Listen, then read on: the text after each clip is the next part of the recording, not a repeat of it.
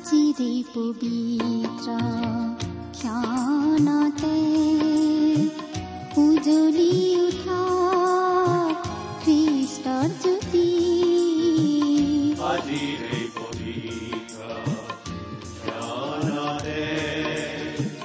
উজ্বলি উঠা খ্ৰীষ্টৰ জ্যোতি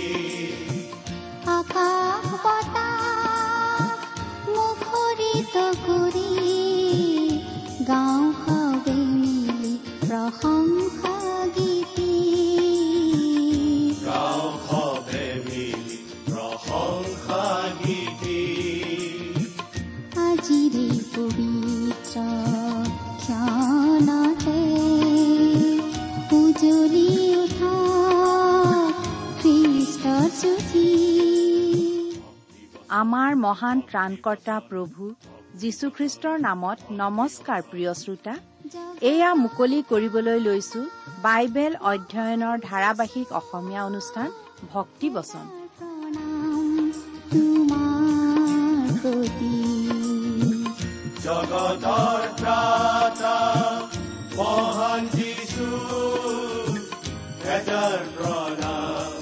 তোমাৰ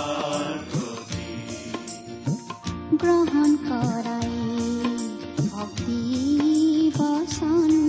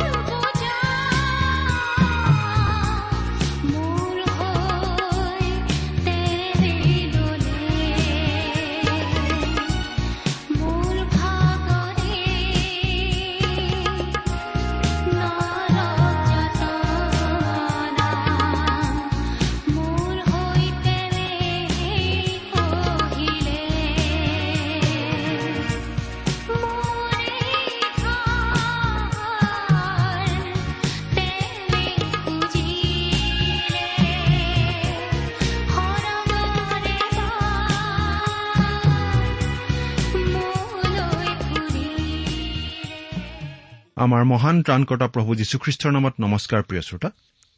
আপোনাৰ ভালনে বাৰু? আমি আশা কৰিছো আপুনি মহান পিতা পৰমেশ্বৰৰ মহান অনুগ্ৰহত ভালে কুশলে আছে। আপুনি এই অনুষ্ঠানটো নিয়মিতভাৱে শুনি আছেনে? শুনি বাৰু কেনে পাইছে? অনুগ্ৰহ কৰি আমালৈ চিঠি লিখি জনাবচোন। আমাৰ ঠিকনা? ভক্তিবচন টি ডাব্লিউ আৰ ইণ্ডিয়া ডাক বাকচ নম্বৰ সাত শূন্য গুৱাহাটী সাত আঠ এক শূন্য শূন্য এক। ঠিকনাটো আৰু এবাৰ কৈছো ভক্তিবচন টি ডাব্লিউ আৰ ইণ্ডিয়া। ডাক বাকচ নম্বৰ সাত শূন্য গুৱাহাটী সাত আঠ এক শূন্য শূন্য এক। আহকচোন আজিৰ বাইবেল অধ্যয়ন আৰম্ভ কৰাৰ আগতে খন্তেক প্ৰাৰ্থনাত মূৰ দুৱাওঁ আমি প্ৰাৰ্থনা কৰো। হে আমাৰ স্বৰ্গত থকা মহান পিতৃ ঈশ্বৰ প্ৰথমতেই তোমাক ধন্যবাদ দিওঁ কাৰণ তুমি আমাক আকৌ এটা নতুন দিন দেখিবলৈ দিছা। তোমাৰ বাক্য অধ্যয়ন কৰিবলৈ আমাক আকৌ এটা সুযোগ দিছা। তোমাৰ বাক্যৰ নিগৃঢ়তত্ব বুজাই দিয়াৰ ক্ষমতা আমাৰ নাই সেই সামৰ্থ্য আমাৰ নাই। তুমিয়েই আমাক বুজাই দিয়া। আমাৰ প্ৰয়োজন অনুসাৰে তুমিয়েই আমাৰ প্ৰত্যেককে বুজাই দিয়া। আমাৰ মৰমৰ শ্ৰোতাসকলক তোমাৰ স্পষ্ট মাত শুনিবলৈ দিয়া। তেওঁলোকৰ জীৱনত তোমাৰ অনুগ্ৰহৰ আশীৰ্বাদ প্ৰকাশ পাই উঠিবলৈ দিয়া। কিয়নো এই প্ৰাৰ্থনা আমাৰ পাপৰ প্ৰায়চিত্ৰ কৰিবলৈ ক্ৰুচত প্ৰাণ দি তৃতীয় দিনা পুনৰ জি উঠি এতিয়া স্বৰ্গত আমাৰ হকে নিবেদন কৰি থকা ত্ৰাণকৰ্তা প্ৰভু যীশুখ্ৰীষ্টৰ নামত আগবঢ়াইছো। প্ৰিয় শ্ৰোতা আপুনি বাৰু আমাৰ এই ভক্তিবচন অনুষ্ঠানটো নিয়মিতভাৱে শুনি আছেনে? আপুনি যদিহে আমাৰ এই অনুষ্ঠানটো নিয়মিতভাৱে শুনি আছে তেনেহলে আপুনি নিশ্চয় জানে যে আমি যোৱা অনুষ্ঠানৰ পৰা বাইবেলৰ নতুন নিয়ম খণ্ডৰ তীতৰ প্ৰতি পত্ৰ নামৰ পুস্তকখন অধ্যয়ন কৰিবলৈ লৈছো। নহয় জানো?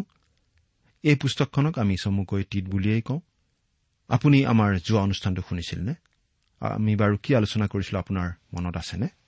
যোৱা অনুষ্ঠানত আমি এই তীত পুস্তকখনৰ এক নম্বৰ অধ্যায়ৰ এক নম্বৰ পদলৈকে আলোচনা আগবঢ়াইছিলো। নহয়নে বাৰু? গতিকে আজিৰ অনুষ্ঠানত আমি এই তীত পুস্তকখনৰ এক নম্বৰ অধ্যায়ৰ দুই নম্বৰ পদৰ পৰাই আমাৰ আলোচনা আগবঢ়াই নিব খুজিছো। এই তীত পুস্তকখন হৈছে এখন চিঠি। পাচনি পৌলে তীতলৈ লিখা চিঠি। ইয়াৰ যোগেদি আজি আমি শিকিবলগীয়া অনেক কথা আছে। আহক এতিয়া আমি অধ্যয়নৰ পিনে আগবাঢ়ো। আপুনি আপোনাৰ বাইবেলখন লগত লৈ লৈছেনে? আমি পাঠ কৰি দিম। প্ৰথম অধ্যায়ৰ প্ৰথম তিনিটা পদ। যোৱা অনুষ্ঠানতো পাঠ কৰিছিলো আজি আকৌ পাঠ কৰিব খুজিছো। ঈশ্বৰৰ মনোনীত লোকৰ যি বিশ্বাস আৰু ভক্তিৰ দৰে যি সত্যৰ তত্বজ্ঞান সেই অনুসাৰে। যি অনন্ত জীৱন মিছা নোকোৱা ঈশ্বৰে অনাদিকালৰ পূৰ্বে দিবলৈ প্ৰতিজ্ঞা কৰিছিল কিন্তু ঠিক ঠিক সময়ত ঘোষণাৰ দ্বাৰাই নিজ বাক্য প্ৰকাশ কৰিলে আৰু সেই বাক্য ঘোষণা কাৰ্য আমাৰ ত্ৰাণকৰ্তা ঈশ্বৰৰ আজ্ঞাৰ দৰে মোৰ হাতত গতাই দিয়া হ'ল সেই অনন্ত জীৱনৰ আশাত ঈশ্বৰৰ দাস আৰু যীশুখ্ৰীষ্টৰ নিযুক্ত পাচনি পৌল সাধাৰণ বিশ্বাসৰ দৰে যথাৰ্থ পুত্ৰ তীতৰ সমীপলৈ। যি অনন্ত জীৱন কেতিয়াও শেষ নোহোৱা জীৱন। সেই অনন্ত জীৱনৰ আশাতেই প্ৰতিজন খ্ৰীষ্টীয় বিশ্বাসী থাকিব লাগে। ইয়াত তেনে ভাৱ এটা প্ৰকাশ পাইছে। আমি এই তিতে লিখা পত্ৰত দেখিবলৈ পাম যে পাচনি পৌলে ঈশ্বৰৰ অনুগ্ৰহৰ বিষয়টো সময়ৰ তিনিটা কালত বৰ্ণনা কৰিছে। তিত দুই নম্বৰ অধ্যায়ৰ এঘাৰ নম্বৰ পদৰ পৰা তেৰ নম্বৰ পদত আমি সেই তিনিওটা অৱস্থা একেলগে পাওঁ। পাঠ কৰি দিছো। কিয়নো সকলো মানুহলৈ পৰিত্ৰাণ অনা ঈশ্বৰৰ অনুগ্ৰহ প্ৰকাশিত হ'ল আৰু আমি ভক্তি লংঘন আৰু সাংসাৰিক অভিলাষ অস্বীকাৰ কৰি গম্ভীৰ ধাৰ্মিক আৰু ভক্তভাৱে এই বৰ্তমান সংসাৰত যেন জীৱন যাপন কৰো আৰু পৰম ধন্য আশাসিদ্ধিলৈ আৰু মহান ঈশ্বৰ আৰু আমাৰ ত্ৰাণকৰ্তা যীশুখ্ৰীষ্টৰ প্ৰতাপৰ আৱিৰ্ভাৱলৈ যেন অপেক্ষা কৰি থাকো সেই অনুগ্ৰহে আমাক এনে শিক্ষা দিছে। সকলো মানুহলৈ পৰিত্ৰাণ অনা ঈশ্বৰৰ অনুগ্ৰহ প্ৰকাশিত হ'ল। এইটো হৈছে অতীতকাল। এই অনুগ্ৰহে আমাক শিক্ষা দিছে। এইটো হৈছে বৰ্তমান কাল আৱিৰ্ভাৱলৈ যেন আশা কৰি থাকো এয়া হৈছে ভৱিষ্যৎকাল। এই আশাৰ কথাই পাচনি পৌলে কৈছে আৰু তেওঁ কৈছে আমি এই আশাতেই খোপনি লৈ থকা উচিত। মিছা নোকোৱা ঈশ্বৰে। এই আশাৰ প্ৰতিজ্ঞা আমাক দিছে স্বয়ং ঈশ্বৰে। যি ঈশ্বৰে কেতিয়াও মিছা কথা নকয়। পাচনি পৌলে ৰুমিয়া তিনি নম্বৰ অধ্যায়ৰ চাৰি নম্বৰ পদত এনেদৰে লিখিছে পাঠ কৰি দিছো। সকলো মানুহ মিছলীয়া হলেও ঈশ্বৰ সত্য বুলি মনা হওক। এই বিষয়ে লিখাও আছে। তুমি যেন নিজৰ কথাত ধাৰ্মিক বুলি গণিত হবা আৰু সুধ বিচাৰতো জয়ী হবা। কিন্তু কেতিয়াবা আমি খ্ৰীষ্টীয় বিশ্বাসীসকলে এনেদৰে জীৱন যাপন কৰো যেন ঈশ্বৰ মিছলীয়াহে? আমি কিবা এটা বিশ্বাস কৰা বুলি কওঁ আচলতে বিশ্বাস নকৰো আৰু আমি বিশ্বাস নকৰাৰ নিচিনাকৈ কাম কৰো। কিন্তু পাচনি পৌলে কৈছে ঈশ্বৰে মিছা ক'ব নোৱাৰে। এবাৰ এজন শিক্ষকে কৈছিল যে তেওঁ ঈশ্বৰে কি কৰিব নোৱাৰে সেই বিষয়ে বক্তৃতা দিবলৈ ইচ্ছা কৰিছিল। এইটো ঈশ্বৰে কৰিব নোৱাৰা এটা কাম। অৰ্থাৎ তেওঁ মিছা ক'ব নোৱাৰে। আপুনি বাৰু এটা কথা ভাবি চাইছেনে? যে আপুনি সদায় কিবা এটা দেখি আছে যিটো ঈশ্বৰে কেতিয়াও দেখা পাব নোৱাৰে?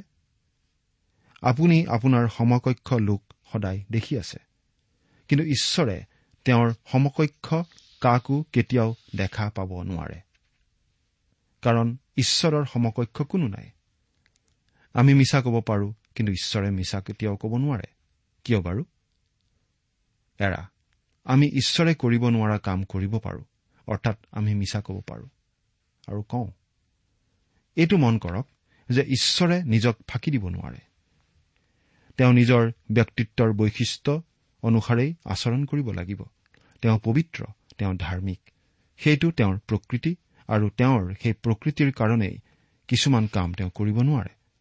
সেইবোৰ কাম কৰাৰ সামৰ্থ্য তেওঁৰ আছে কিন্তু তেওঁ কৰিব নোৱাৰে কাৰণ তেওঁ তেওঁৰ প্ৰকৃতিৰ প্ৰতি সদায় নিষ্ঠাবান। তেওঁ মিছা ক'ব নোৱাৰে কাৰণ তেওঁ ধাৰ্মিক। তেওঁ ন্যায়বান গতিকে তেওঁ কেতিয়াও নঠগায়। গতিকে তেওঁতেই আপুনি সম্পূৰ্ণ নিৰ্ভৰ কৰিব পাৰে সম্পূৰ্ণ বিশ্বাস কৰিব পাৰে। বহু সময়ত আমি আমাৰ কাৰ্যৰ যোগেদি ঈশ্বৰক মিছলীয়া যেন দেখুৱাওঁ আমি যদি ঈশ্বৰে কোৱা কোনো কথা বিশ্বাস নকৰো তেন্তে আমি ঈশ্বৰক মিছলীয়া বুলি কোৱাৰ নিচিনা হয়। প্ৰভু যীশুক ঈশ্বৰে জগতলৈ পঠালে যাতে তেওঁ মানৱৰ মুক্তিৰ কাৰণে মানৱৰ পাপ মোচনৰ বাবে ক্ৰুচত প্ৰাণ দিয়ে। আৰু তেওঁৰ সেই কাৰ্যত ভৰসা কৰি তেওঁক পৰিত্ৰতা বুলি গ্ৰহণ কৰা লোকসকলে পৰিত্ৰাণ পায়। এই কথা আমি কোৱা নহয় ঈশ্বৰে কোৱা কথা। ঈশ্বৰে কৈছে যীশুক গ্ৰহণ কৰা পৰিত্ৰাণ পাবা অনন্ত জীৱন লাভ কৰিবা। আমি যদি প্ৰভু যীশুক গ্ৰহণ নকৰো তেনেহলে ঈশ্বৰে কোৱা কথা মিছা বুলি কোৱাৰ নিচিনা হয়। অৰ্থাৎ প্ৰভু যীশুক গ্ৰহণ নকৰিলে আমি ঈশ্বৰক মিছলীয়া বুলি কোৱাৰ নিচিনা হয়। তদুপৰি খ্ৰীষ্টীয় বিশ্বাসী হিচাপেও বহু সময়ত আমি ঈশ্বৰৰ প্ৰতিজ্ঞা কিছুমান বিশ্বাস নকৰাৰ নিচিনা দেখুৱালে আমি ঈশ্বৰক মিছলীয়া বুলি কোৱাৰ নিচিনা হয়। গতিকে আমি সাৱধান হোৱা উচিত। অনাদি কালৰ পূৰ্বে দিবলৈ প্ৰতিজ্ঞা কৰিছিল।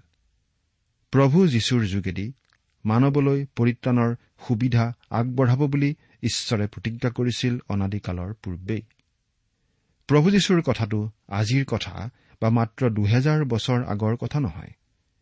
প্ৰভু যীশু জগতলৈ আহিব আৰু মানৱৰ বাবে মুক্তি সম্ভৱপৰ কৰি তুলিব বুলি অনাদিকালৰ পূৰ্বেই ঈশ্বৰে প্ৰতিজ্ঞা কৰিছিল।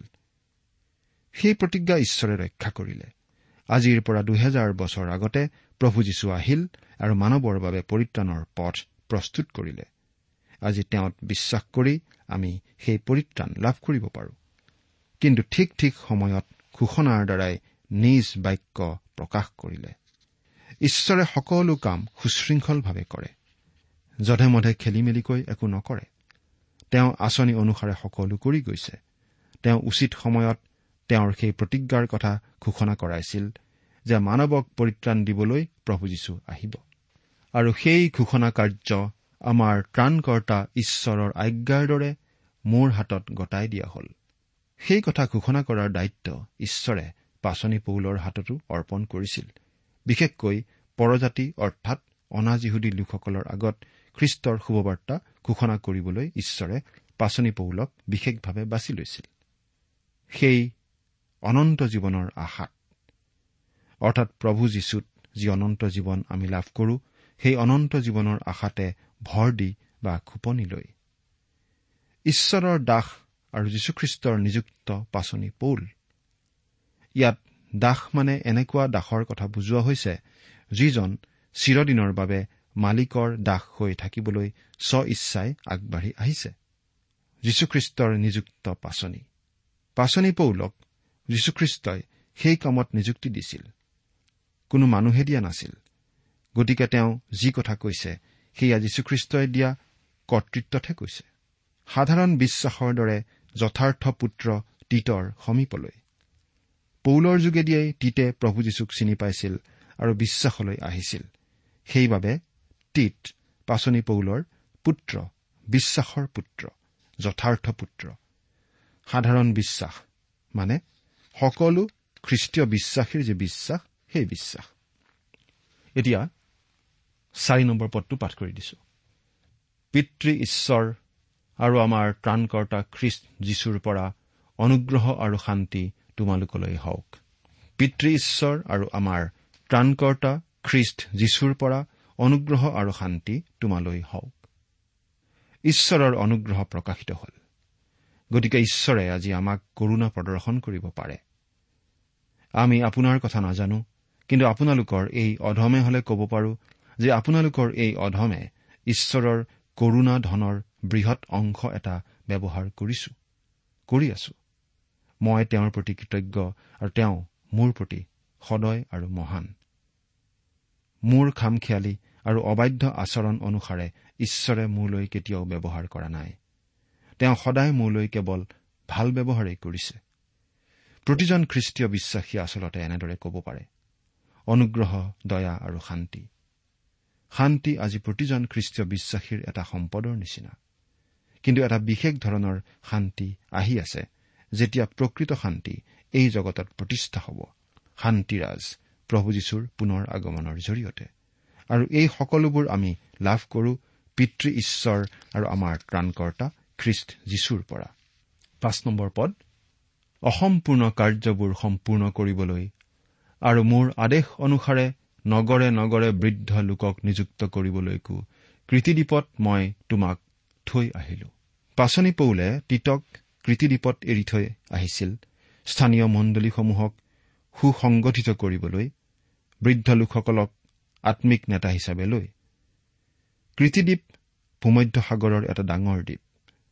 সাধাৰণতে গ্ৰীক দ্বীপবোৰৰ সৈতে অনেক পৌৰাণিক কাহিনী আৰু পৰম্পৰা জড়িত থাকে আৰু এই কৃতিদ্বীপৰ সৈতেও তেনে অনেক পৰম্পৰা জড়িত আছিল। এই কিংবদন্তী মতে কৃতিদ্বীপৰ লোকসকলক বিধি বিধান প্ৰথমতে দিছিল মিনুছে। তেওঁ তাত থকা কুখ্যাত জলদস্যুবিলাকক পৰাস্ত কৰিছিল আৰু তেওঁ এটা নৌ বাহিনী গঠন কৰিছিল। ট্ৰজান যুদ্ধৰ পাছত সেই দ্বীপৰ মুখ্য নগৰবিলাকে নিজকে কিছুমান গণতন্ত্ৰৰ ৰূপত সজাইছিল আৰু প্ৰায়বোৰেই স্বাধীন আছিল। কৃতিদ্বীপক ৰোমান সাম্ৰাজ্যৰ অন্তৰ্ভুক্ত কৰা হৈছিল আনুমানিক খ্ৰীষ্টপূৰ্ব সাতষষ্ঠি চনত। এই মুখ্য নগৰবিলাক আছিল নচচ চিডুনিয়া আৰু গৰ্টিনা। আৰু আমাৰ এনে ধাৰণা হয় যে ইতিমধ্যে এই আটাইবোৰ ঠাইত খ্ৰীষ্টীয় মণ্ডলী গঠিত হৈছিল। আমি ধাৰণা কৰিব পাৰো যে সেই দ্বীপত পাচনি পৌলে অতি কাৰ্যক্ষম আৰু সফল মিছনেৰী পৰিচৰ্যা চলাইছিল। অৱশ্যে শাস্ত্ৰত ইয়াৰ লিখিত বিৱৰণী আমি নাপাওঁ। আনকি তেওঁ ৰোমলৈ যোৱাৰ আগতে যে সেই দ্বীপলৈ গৈছিল তাৰো সবল প্ৰমাণ আমাৰ হাতত নাই। কিন্তু এই সৰু পত্ৰখনত আমাক যিখিনি তথ্য দিয়া হৈছে তাৰ পৰা আমি এই কথা বিশ্বাস কৰিব পাৰো যে তেওঁ তালৈ গৈছিল আৰু তাত তিতক এৰি থৈ আহিছিল। মণ্ডলীসমূহক সুসংগঠিত কৰিবলৈ যিবোৰ মণ্ডলী তেওঁ আৰু তিতে স্থাপন কৰিছিল। আমি এনেকুৱা এটা ধাৰণাও পাওঁ যে কৃতিদ্বীপটো বেয়া ঠাই আছিল। মানুহবোৰ বেছি ভাল মানুহ নাছিল। পৌলে নিজেই কৈছে যে তেওঁলোক মিছলীয়া আছিল আৰু সেই সময়ত তেওঁলোক সেই মিছলীয়া স্বভাৱৰ বাবে কুখ্যাত আছিল। গ্ৰীক ভাষাত ক্ৰেটিজেইন বুলি এটা শব্দ আছে আৰু তাৰ অৰ্থ হৈছে কৃতি দ্বীপৰ মানুহৰ নিচিনাকৈ কথা কোৱা অৰ্থাৎ মিছা কথা কোৱা। আনকি তেওঁলোকৰ নিজৰ কবিয়েই কবিতাত এই কথা স্বীকাৰ কৰি গৈছে। যদিও তেওঁলোক মিছলীয়া বুলি জনাজাত আছিল আৰু তেওঁলোকৰ বিষয়ে পৌলে আৰু কিছুমান আপত্তিজনক কথা কবলগীয়া হৈছিল তেওঁলোকৰ মাজৰেই বহুতো লোকে প্ৰভু যীশুখ্ৰীষ্টক ত্ৰাণকৰ্তা বুলি গ্ৰহণ কৰিছিল।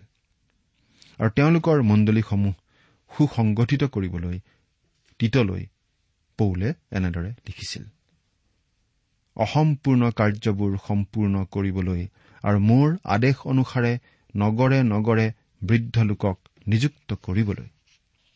আমি ভাবো যে কৃতিদ্বীপত থকা মণ্ডলীসমূহত বৃদ্ধ লোক আছিল কিন্তু তেওঁলোকক অভিষেক কৰা হোৱা নাছিল। নাইবা সেই কাৰ্যৰ বাবে বিশেষভাৱে তেওঁলোকক নিযুক্তি দিয়া হোৱা নাছিল।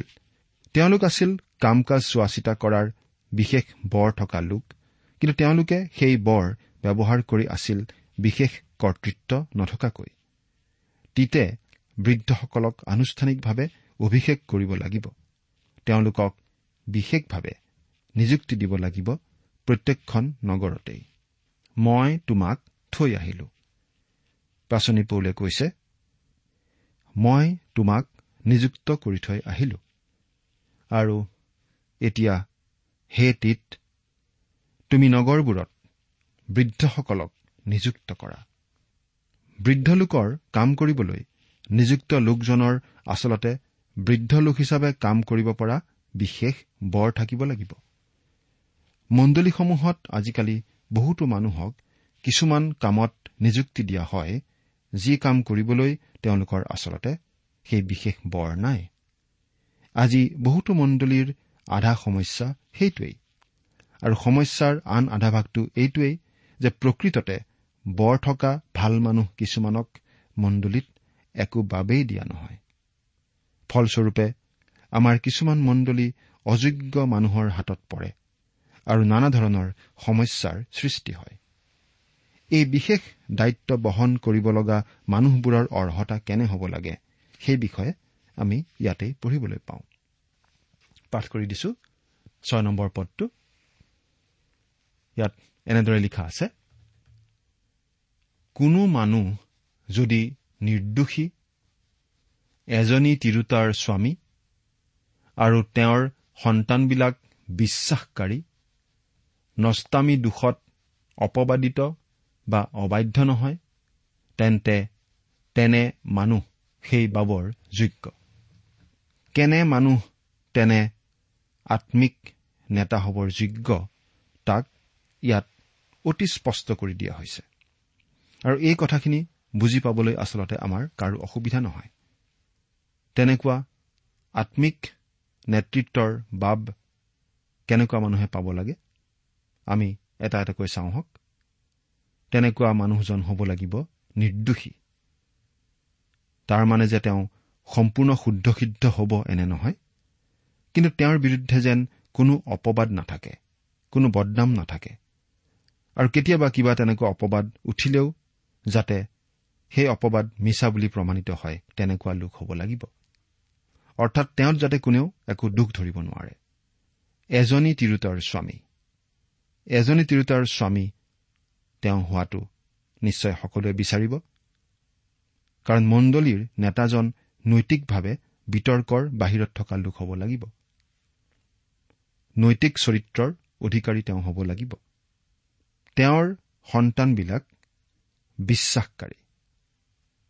এইটো এটা বৰ প্ৰয়োজনীয় কথা। মণ্ডলীৰ নেতাজনৰ ল'ৰা ছোৱালীয়েই যদি খ্ৰীষ্টীয় বিশ্বাসকাৰী নহয় নেতাজনৰ সন্তানবিলাকেই যদি খ্ৰীষ্টীয় বিশ্বাসত নচলে তেনেহলে সেই নেতাজনে আন মানুহক কি শিক্ষা দিব? আন মানুহক কেনেদৰে উদগাব? আৰু সেই নেতাজনে কোৱা কথা আন মানুহে কেতিয়াও মানি ল'বলৈ আগবাঢ়ি নাহিব।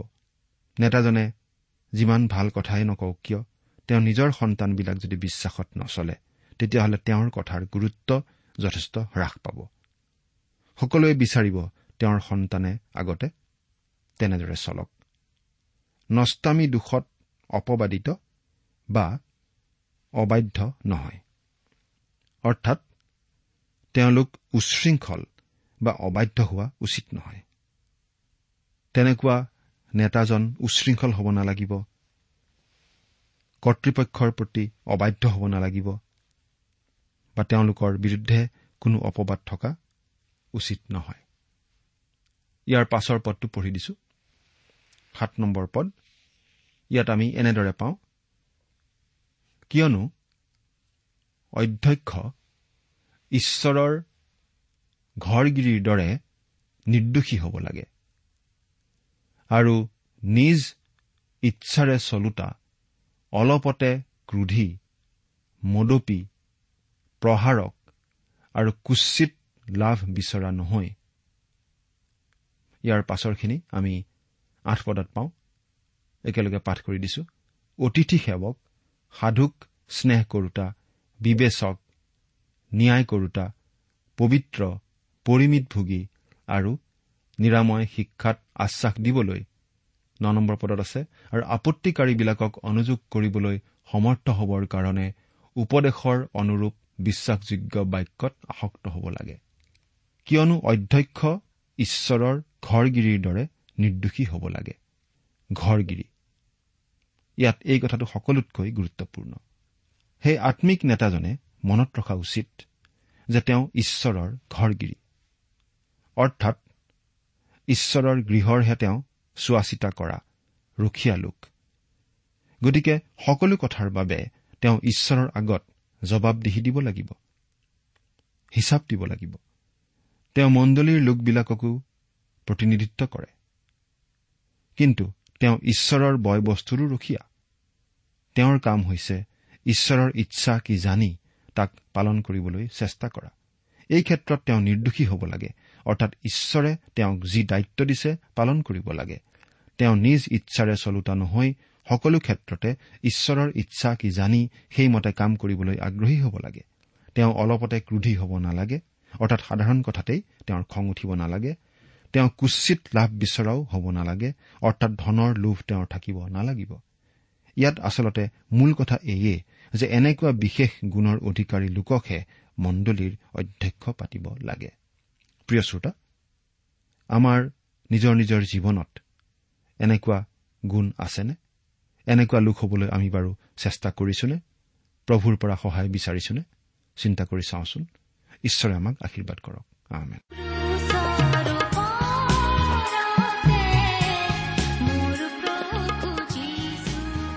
ইমান পৰে আপুনি ভক্তিবচন অনুষ্ঠানটি শুনিলে। অনুষ্ঠানটি শুনি কেনে পালে? আমালৈ চিঠি লিখি জনাবচোন।